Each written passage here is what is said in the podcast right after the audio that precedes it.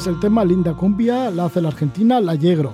Vamos a recorrer buena parte de Sudamérica, también Centroamérica. Esto es lo que ha realizado nuestra invitada Ana Zamorano. Ha estado durante 15 meses, primero recorriendo Sudamérica en bicicleta y luego ya en transportes locales. Ha estado desde por Centroamérica hasta llegar a México, a Chiapas, Oaxaca. Ha estado realizando documentales. Ana Zamorano, que siempre tiene un montón de ideas. Diremos que ella es de Sodupe, Vizcaya. Tiene 26 años, estudió publicidad y relaciones públicas, se mudó a Les, en Inglaterra, donde trabajó en una multinacional. Los veranos iba de voluntario a países como Nigeria, Salvador, Gambia, Uganda. Puso en práctica el proyecto Dos Señoras Vacas. En Gambia pues ayudaba a diferentes comunidades, lo mismo hizo también en Uganda. Luego se fue cuatro meses a India y Nepal. Estudió yoga con profesores tibetanos, realizó un trekking al campo base del Everest, al de la Annapurna y después pues el salto a los Andes y vamos a hablar un poco de todo ello. Ana Zamorano, bienvenida, muy buenas noches. Hola, muy buenas noches, muchas gracias. Además tenemos la buena compañía de Loki Tomás, que es un australiano que conociste, Ana, en el recorrido por Sudamérica. Sí, primero nos conocimos en el Chaltén, en una casa de, de un hombre que hospedaba por noche más o menos unas 12 personas y estábamos allí todos en una casa diminuta, además, súper, súper pequeña. Y nada, él viajaba con dos amigos más y bueno, son australianos. Loki, bienvenido. Muchas gracias. Sí, que ha- habéis recorrido junto con otros dos amigos, tú has recorrido Sudamérica en moto. Sí, de Patagonia a Colombia, lo mismo ruta de Ana, pero con motos. Sí, creo que además habéis subido como muy alto con las motos. Sí, muy alto. Sí, que os habéis conocido en, bueno, pues ahí en el Chaltén. Sí, nos conocimos en el Pero luego también en los Andes, Sí, arriba. además hemos coincidido sin, sin quedar, o sea, ha sido pura casualidad. Primero en la Amazonía de Bolivia, bueno, no, miento, primero en el norte de Argentina, Sí. en San Juan, y después en la Amazonía de, de- de Bolivia, y después en Perú dos veces, también así como esporádico. Ana, ¿y por qué te decidiste a recorrer Sudamérica en un principio? Y los Andes, porque te llamaba mucho la atención de los Andes. Igual porque estuviste anteriormente en el Himalaya y así querías Eh, seguir no, buscando cordilleras. No, en realidad yo en el viaje a Uganda conocía, bueno, primero en El Salvador, en El Salvador y Nicaragua, que fueron los dos primeros voluntariados que hice, con 18 y 19 años, me quedé enamorada de Latinoamérica y siempre guardé el- eh, la parte sur, eh, Sudamérica, para un viaje largo, sin tiempo. Eh, entonces ya cuando fui a Uganda, eh, conocí a un chico que estaba dando la vuelta al mundo en bicicleta y jamás se me había ocurrido a mí el, viajar en bicicleta, ¿no? el poder hacerlo. Entonces me, puse a indagar en un montón de webs y veía que, había, que había más gente que ese, que ese chico que yo encontré allí. Entonces, bueno, em, me puse a indagar y vi, ¡guau! Sudamérica en bicicleta. Entonces eh, encajó como, como un puzzle y dije, no, pues si más gente lo hace, ¿por qué no yo también, ¿sabes? Así que en febrero te plantaste allí en Chile. Esto era febrero de 2018, me Sí, parece, sí, ¿no? sí, sí. Sí, y estabas, para empezar, en compañía de Esti Gorbea, Sí. con la que estuviste un tiempo también Sí, pedaleando. sí, los primeros meses y luego ya en Bolivia cada una tomó su rumbo y entonces yo seguí sola y ahí es cuando descubrí eh, el, el meterme fuera de pista, ¿no? El cambiar el asfalto por, por pura montaña y, y hacer caminos que, que muy poca gente se mete o solo los más aventureros. ¿Cómo fue este descubrimiento? ¿Tomaste ya confianza con el paisaje para decir, bueno, ahora me voy por caminos que son distintos? Pues la verdad que siempre me ha gustado muchísimo la aventura y, más la alta montaña, ¿no? Me encanta, me encanta estar en medio de la nada, sentirte nadie en medio de montañas, de glaciares, de, no sé, de pura pampa. Y entonces yo quería descubrir un poco en Sudamérica ese lado no turístico, ¿no? Que al final es donde realmente vive la gente local, donde ves las tradiciones, donde puedes hacer fotografías increíbles, eh, documentales increíbles y sobre todo disfrutar tú. que ya te digo que los caminos son tan duros que, por ejemplo, en Bolivia tuve que empujar la bici un montón sobre dunas de arena, caminos que se, que se llenaban de arena y, y imposible de pedalear, simplemente empujar. ¿Cuándo cruzaste por primera vez los Andes? Porque eso también tenía que ser una experiencia. Sí, la primera vez que cruzamos los Andes eh, fue de Chile a Argentina por el paso, eh, bueno, son como un montón de curvas, los caracoles, que van de- desde Santiago de Chile a Mendoza. Y la verdad que sí, fue buena tarea. Al principio creo que tus jornadas eran de muchos kilómetros, Sí. pero cuando ya empezó la altura ya se fue Sí. todo reduciendo. Sí, al principio como era asfalto y poca altura y exigencia como tal poca, o sea, tipo cuestas de, de- ni- o sea, desniveles como de 200, 300 metros, eh, bueno, a medida que te ibas acercando a la cordillera, pues ya los desniveles eran cada vez más, más, más superiores, ¿no? Eh, y bueno, al, cambiarme de asfalto a carretera fuera de pista en altura, con climas más duros, pues pasé de hacer hasta 125 kilómetros diarios eh, a hacer máximo 45. Pero también querías tranquilidad, igual por esos caminos que te llevaban a lugares remotos, pues tomarlo con calma. Claro, no, eso desde luego, o sea, y... No había más remedio también. No, no, también. Sí, sí. Y además, pues ahí se inició el proyecto Remoteana, que así Sí, lo has llamado. Sí, cuando me quedé sola, eh, mis amigos me dijeron, bueno, ¿y ahora cómo nos vas a contar tus aventuras, no? Y entonces pensé, lo pensé y al segundo día de quedarme sola dije, no, yo tengo que abrirme un Instagram y tengo que seguir con esto. Entonces me, bueno, me abrí un perfil en Instagram, Facebook y sí, Remoteana brotó, brotó de, esa, de, ese, de ese día, no sé. ¿A dónde te llevó Remoteana? Pues ¿A qué lugares tan apartados? Sitio remoto. Sí. La primera ruta que hice así como dura y, y que ahora mismo, después de todo, es como de mis favoritas. Ya te digo que es eh, desde el Salar de Uyuni hasta el Parque Nacional Sajama, eh, donde crucé pues, todo el altiplano boliviano. Eh, no solo el Salar de Uyuni, que mm, eh, tardé cuatro días en cruzarlo, de punta a punta, eh, sino también el Salar de Coipasa, que se tarda como un día y medio, y ya desde el pueblo de Coipasa, donde puedes rellenar otra vez agua bien, sin problema, y volver a comprar comida y tal. El Eh, salar de Coipasa que hay bastante litio. Sí, eh, los chinos están ahí sacando. El 80% del litio del mundo eh, está en el salar de Coipasa y lo han comprado los chinos, así que están ahí extrayendo. ¿Y el pueblito de Coipasa? Pues nada, el pueblito de Coipasa es un pueblito de tres casas que está medio abandonado porque la gente de los pueblitos de- del altiplano boliviano se ha ido a vivir a las ciudades y solo van al pueblo cuando es la época de la llama. Eh, tienen como, pues como aquí la, gente tiene vacas, ovejas o algo, allí se tiene llamas. Entonces, bueno, ves que, por ejemplo, cuando yo empecé a atravesarlo, empezaba a venir gente de ciudades como Oruro o la misma Paz, eh, eso, pues a volver a hacer crianza de llama y reproducirlas, pues cuanto más mejor. Y nada, pues el tema de la carne de llama y todo eso. Entonces fuiste desde este pueblito de Coipasa y del Sí. salar de Coipasa Ujú. ya hacia Chile, hacia el Parque Nacional de Sajama. Sí. Que Sajama es la montaña más alta de Chile. De, de Bolivia, sí. O de Bolivia. Sí, sí, sí. Pues eh, de, mm, desde el pueblito de Coipasa me metí ya súper, súper cerca de, de la frontera de Chile. Ahí está toda la franja volcánica que separa un país de otro. Y ya el acento es como medio chileno, medio boliviano. La gente incluso, eh, no sé, la- es lo que, te- lo que tiene de bueno la bicicleta, ¿no? Que te permite como observar ese tipo de cosas. Que el acento cambia en cuestión de metros, que, que, no sé, el clima ya cambia, eh, la gente, la- las facciones de la gente son, son como mezcla chile-boliviano, no sé, que muy, muy raro, la verdad, Eh, pero increíble. Vas más al detalle entonces. Sí, eso es, totalmente. Y luego que tenías muchas veces, como dices, cuando llegabas a zonas así de desierto, porque por aquí luego ya ibas hacia el desierto, ¿no? Sí, entonces, sí, entonces sí. tenías que arrastrar la bicicleta. Claro, la cosa es que, bueno, a mí me sorprendió un montón porque yo pensé que el altiplano iba a ser eh, caminos de, de malos, de, como de montaña, de piedras y tal, pero en realidad hubo dos días que, no pedaleé, yo creo que encima de la bicicleta, eh, en, no, o sea, en dos días. Tuve que empujar la bici mucho sobre dunas, que se me metía la bicicleta como hasta media rueda, tenía que descargar las alforjas, caminar eh, con ellas y luego tirar de la bicicleta, así todo el rato. Y bueno, pues esos días yo creo que no haría ni 10 kilómetros. ¿Qué altitudes has pasado? No solo en Bolivia, sino por ejemplo en Perú y en Ecuador, que Sí, también estuviste por los Andes. Sí, pues por ejemplo, lo máximo que he hecho ha sido 5.200 en bicicleta.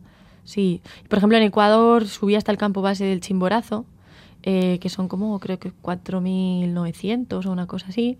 Eh, se me hizo duro porque al estar encima de- del, de la línea del Ecuador, pues como que se nota más la altura. Tiene que ser fantástico, ¿no? Estar también entre dunas o en la misma línea del Ecuador y ver nevados y estar Sí. debajo de los nevados. Sí, totalmente. En Perú hay sitios que, que- que parece que la montaña te va a comer, o sea, eres nadie allí. Y llegando a esos lugares remotos, te has encontrado con pueblitos, con aldeas Sí. que no habían visto pasar a ninguna checa en bicicleta. Claro, eh, la cosa, por ejemplo, en Ecuador, Una checa sobre blanca, todo. digo, sí, o sí, de- o sí. de Europa. Sí. O sea, en Ecuador, sobre todo, eh, yo eh, en Ecuador viajé con un chico de Suiza que también estaba recorriendo en bicicleta. Y la verdad que en todos los pueblitos de la Sierra de Ecuador eh, era a principios de invierno allí. O sea, nos llovió un montón, muchísima niebla. eh, y la gente no- nos paraba y nos decía, pero ¿y qué haces aquí? ¿Pero qué? O sea, ¿con qué sentido? ¿Por qué? Y nos miraban, nos sentimos en, en momentos como súper extraños, porque en realidad la gente, o sea, nos miraba como si fuéramos, no sé, marcianos. Sea, En el sentido es que queríais conocer la realidad. Claro, Salir de los caminos ya tra- tra- trazados. Claro, porque si tú, por ejemplo, te metes en la Panamericana de Ecuador, eh, más o menos es por la costa, aparte de peligrosa, o sea, en tema de robos y así, eh, y, y tráfico, porque la gente conduce muy mal. Eh, luego, o sea, no ves más que pura playa, pura playa, mucho tráfico, pura playa, y no te, no te lleva como a sitios como realmente auténticos, ¿no? Entonces, por eso el viajar por la montaña. O sea, la sierra, o sea, si tú preguntas eh, a la sierra, la los turistas normales que visitan Ecuador apenas van. O sea, pueden ir a un volcán como Cotopaxi porque lo quieren escalar o como Chimborazo porque lo quieren escalar, pero no porque realmente sea una atracción turística. Te encuentras en situaciones límites, ya que vas por sitios que no tienen infraestructuras Sí. y que seguramente por la meteorología pega más todavía. Sí, hubo un día que pensaba que tenía un, un, un puma fuera de la tienda de campaña. Sí. Sí, fue en Perú y yo oí algo raro fuera. Me había olvidado eh, un- la bolsa de, de la basura. Había dejado, o sea, de la basura que yo produzco, vamos, pues alguna, alguna lata o, o el envoltorio de cualquier comida que había, que había cocinado. Eh, y recuerdo que dije, ay madre mía, ¿y ahora qué hago? Porque yo oí algo fuera, pero no me atreví a abrir, ¿no? Entonces, bueno, agarré, yo via- viajé, este ha sido el primer, el primer viaje que he viajado con spray pimienta, por si acaso. Y, y nada, luego traté de calmarme y tal, y ya, pues, no sé qué pasaría, pero sí que lo pasé mal. Sí, Pensando más que nada. Muchas veces, claro, irías, sí que te contarías con muchos viajeros. Bueno, el caso, por ejemplo, de Loki Tomás, que está aquí con nosotros, australiano motorista, con el que te uniste en varias partes del camino, has nombrado también un suizo. ¿Siempre ibas acompañado o a veces también ibas sola? Pues en Perú sí que estuve bueno, luego sola. tu amiga al principio, en el Sí, camino, sí, con sí, este. sí. Los tres primeros meses con, con mi amiga, eh, después en Bolivia unos días sola, eh, luego me enganché con otro australiano que casualidad era amigo de, de los, de los australianos que había conocido en Patagonia. Fíjate, Australia es, es lo grande que es, ¿eh? Y, eran amigos. esa- Sí, vaya casualidad, ¿no, Loki? Eh, que vaya casualidad que también se juntara con otros Sí, amigos Trent, tuyos. Trent era Mm, amigo, sí. amigo vuestro. Que hay mucha Y- gente de Australia por recorriendo mundo, por Sudamérica. Hay mucha gente, sí. Somos todos en todos los países. ¿Y qué te pareció Sudamérica? ¿Qué le parece a un australiano Sudamérica? ¿Qué te pareció? ¿Te ha gustado?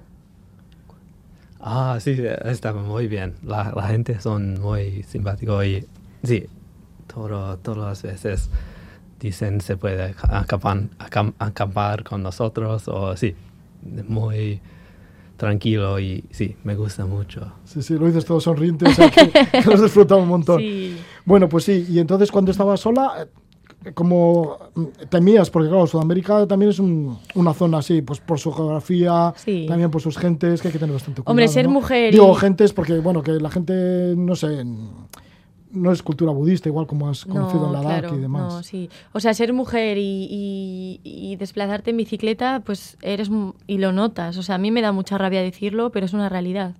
Eh, o sea, la mujer es vulnerable en todos los sitios, pero en sitios o pa- o países mucho más machistas como estos y encima en una bicicleta, pues sí. Por ejemplo, me han preguntado un montón de veces, ¿y dónde tienes a tu marido? No, es que no tengo marido. Y ah, entonces ¿dónde tienes a tu novia, a tus hijos? No, es que no tengo ni novio ni hijos. Ah, entonces ya eres lesbiana. Y yo, pues no, o sea, ¿sabes? O sea, te achacan en el sentido en que si no, tienes, si no vas con marido o hijos, eres lesbiana y si no, eh, o sea, deberías sí o sí viajar con alguien. Y más mm, como de masculino, vamos, una figura masculina. ¿Cómo fue que dejaste la bicicleta y te pasaste de Sudamérica a Centroamérica? Pues- y en Centroamérica ya cambiaste un poco el viaje porque hiciste en transporte locales, además ¿Hiciste algún documental? Sí, la etapa Centroamérica se, se ha centrado más que nada en visitar amigos. Mi mejor amigo de la universidad vive en Panamá, eh, ciudad, y bueno, hacía dos años que no le veía, entonces para mí fue increíble, increíble volvernos a ver en una etapa como nueva para los dos, ¿no? Porque él se acababa de mudar hacía un año y yo llevaba como, pues ya te digo, más de un año y medio viajando.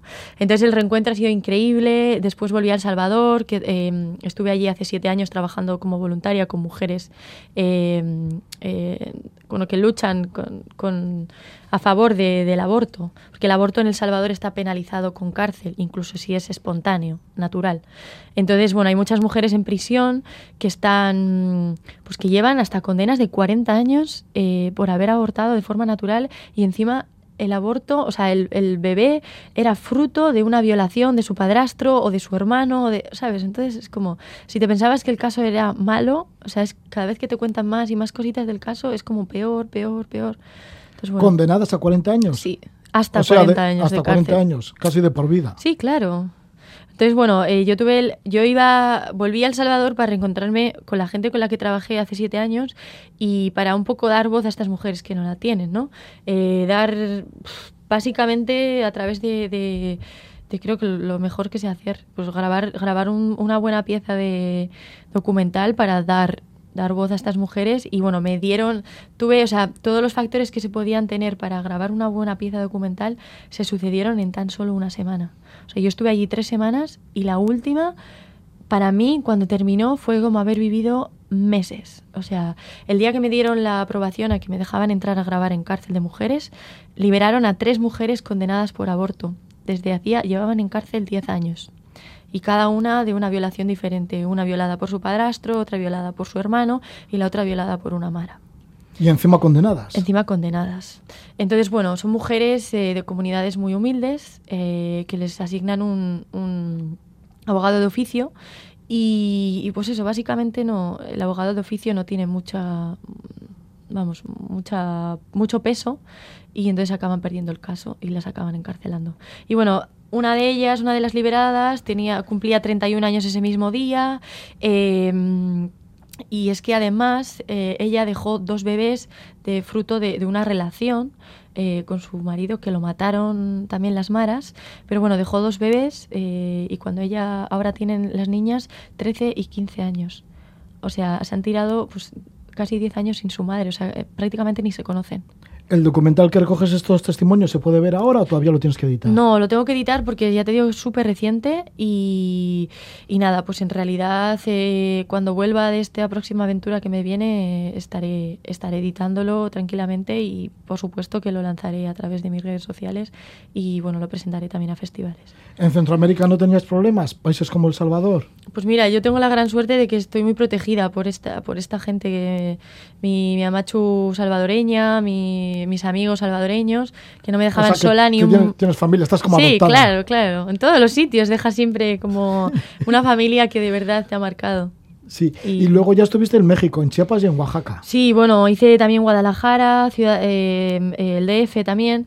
Y la verdad es que fui a México porque encontré un vuelo barato desde allí y porque haciendo el curso de yoga, el, sí, el curso de yoga en India, conocí una mexicana que me llevé súper bien con ella y me dijo, no, Ana, tú tienes que terminar tu viaje en México. Y me dijo, pero por favor no vengas en bicicleta, que es muy peligroso. Mm. y bueno. ¿Aprendiste yoga de profesores tibetanos? Eh, sí. ¿En sí, India? Sí. ¿En Dharamsala, por sí, ejemplo? en Dharamsala. Ah, sí, sí, sí, sí. sí. ¿Dónde está el gobierno tibetano en el Sí, exilio? claro. Conocí también al Dalai Lama. Eh, ¿Conociste en persona al Dalai Lama? Fue increíble. Ya, ¿y cómo fue? Pues la verdad cosas que... te pasan, ¿eh? Pero pura casualidad, yo ni lo sabía. Mira, eh, cuando tomé un autobús para, para ir de Nueva Delhi, que yo nunca, las dos veces que estaba en India, no conozco nada de Nueva Delhi porque me espanta, o sea, me parece tan grande y tan esto que de la que llego me voy. Entonces, bueno, eh, tomé un bus de, de Nueva Delhi a Dharamsala, que dura, dura una noche, y mmm, cuando llegué para tomar, como el segundo bus que hay que tomar para subir hacia Dharamsala, eh, conocí a una pareja, yo creo que eran de Taiwán, y me dijeron, está Dalai Lama dando, dando un curso de tres días a partir de mañana. Y le dije, ¿en serio? Entonces, bueno, cuando llegué a Dharamsala ya me, como que me documenté rápidamente y, y, nada, pues al final pude sacar, pude conseguir ticket y traductor a, a español. Eso fue antes de... El Himalaya fue antes de irte a Sudamérica, de estar por los Andes. Estamos con Ana Zamorano, que nos está hablando de su trayecto en bicicleta y también en transportes públicos. Sudamérica fue en bicicleta, en transportes públicos Centroamérica y México. En total has estado alrededor de unos 15 meses y entre otras cosas pues has llevado el proyecto Remoteana, en el que bueno pues has llegado a lugares con tu bicicleta remotos de la cordillera andina y estábamos hablando, pues eso, de México, ¿no? Que en México te vistes con tu amiga, que la Sí. conociste allí en la, en la India, Sí, sí, sí, sí. aprendiendo yoga. Nada, justo se mudaba, así que me tocó hacer mudanza en México, de- desde su casa de, de- de Ciudad de México a Guadalajara. Así que nada, bueno, entretenido. Ana, Ana, y también hiciste un documental no solo en El Salvador, sino también en Bolivia, Sí. con el tema de las cholitas, las cholitas escaladoras. Sí, sí, sí. Pero bueno, más que en el grupo en sí, me centré en una de ellas, que para mí es como mi, mi amachu boliviana. Y bueno, eh, más que nada conté un poco su historia desde, desde que nació prácticamente. Pues una mujer que ha luchado desde, desde que, que vino, desde que llegó a este mundo. Porque, bueno, se quedó eh, sin padre y sin madre cuando tenía dos años. Eh, su hermano, eh, cuando nació, bueno, en fin, su madre se murió cuando su hermano nació, su hermano pequeño. Eh, su hermano se, se cayó, bueno, se le cayó como una, un, un coso de, de agua hirviendo. eh, pf, tuvieron que salir los dos a mendigar a la calle, comiendo en los basureros. Bueno, con 10 años se puso ya a, a, a trabajar como cocinera y ahí aprendió el oficio de cocina. No fue nunca a la escuela, no sabía ni casi leer ni, ni escribir, que lo ha aprendido hace como unos años. Y bueno, a todo esto pues, se, se casó un poco para salir de la pobreza y se casó con un, con un guía de montaña. Entonces, bueno, el guía de montaña que sube prácticamente todos los días a, a la Cordillera Blanca, pues 6.000, 6.200, 6.500, eh, me refiero picos, picos de, de la cordillera. Y, y nada, ella empezó a ser entonces cocinera de alta montaña, pero siempre llegaba a los campos bases. Y cuando llegaba al campo base, ella decía, no, pero es que, ¿y qué es lo que veis cuando, veis a la- cuando vais a la cima? ¿Y qué es lo que veis? Y tal. Hasta que un día ella le dijo al marido, no, yo quiero subir a cima. Pero bueno, son cholitas que llevan pollera, que... Pues eso, que la pollera no se la quitan para nada, ¿no? Entonces, bueno, que es el traje tradicional, las faldas es, tradicionales, eso es. ¿no? Entonces ellas dijeron, no, si subimos a... Si hacemos cumbre, hacemos cumbre con la pollera. Y todo el mundo las tachaba de locas. No, no vais a poder, que con las faldas os vais a enganchar todos, con los crampones, todo. Y bueno, al final, pues hicieron cumbre y se hicieron famosas también. Sí, que son las cholitas escaladoras que escalan con polleras. Eso es. En las montañas altísimas de Bolivia. Eso es. Bueno, entonces también has recogido imágenes sobre ellas. Sí, subí el, el Huayna Potosí, que es un 6088, creo que es, y, y sí, lo subí con ellas. Ana, y estás estos días por aquí por Euskadi muy poquito Sí, y te vas de nuevo a Sí. una nueva aventura, a otro nuevo continente. eso es. Me voy ahora al, al Medio Oriente. Me voy a Irán eh, y nada, con muchísimas ganas, la verdad, porque ya, o sea, estaba escuchando tan, tantos, a tantos viajeros hablar también de Irán que dije, no, no me puedo quedar yo escuchando solamente, así que me voy, me voy y me voy en bicicleta. Te vas en bicicleta y además vas a estar por Georgia y Armenia, por las montañas del Cáucaso. Eso es. Y luego además creo que quieres seguir haciendo documentales. Sí, sí, sí. Bueno, eh, en realidad eh, quiero grabar un documental en la zona de Kurdistán, que está en frontera con Irak. Eh, no sé, bueno, supongo que sabréis que eh, las mujeres kurdas, sobre todo del lado de sirio, están luchando por, por sus derechos. eh, ellas luchan, son parte de la guerra y, y luchan por, por su territorio también y por sus derechos sobre todo. Así que nada, pues quiero conocer cómo es el lado de la mujer eh, kurdistana, que es muy parecida a la vasca.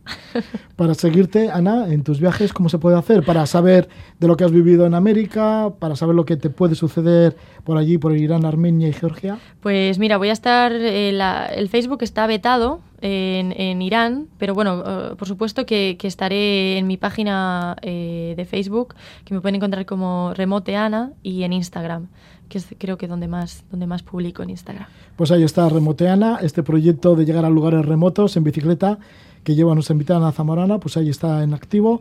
Muchísimas gracias por estar con Muchas nosotros. gracias. Ana. Muchísimas gracias. Y muchísimas gracias también por traernos a, a tu amigo australiano que le conociste allí en el Chantel, Sí. en, en Argentina, Sí, sí, sí. en la Patagonia. Me tienen que hacer embajadora de Euskadi, ¿eh? sí, Porque cada vez que vengo traigo a alguien. ya, sí, sí, sí, sí.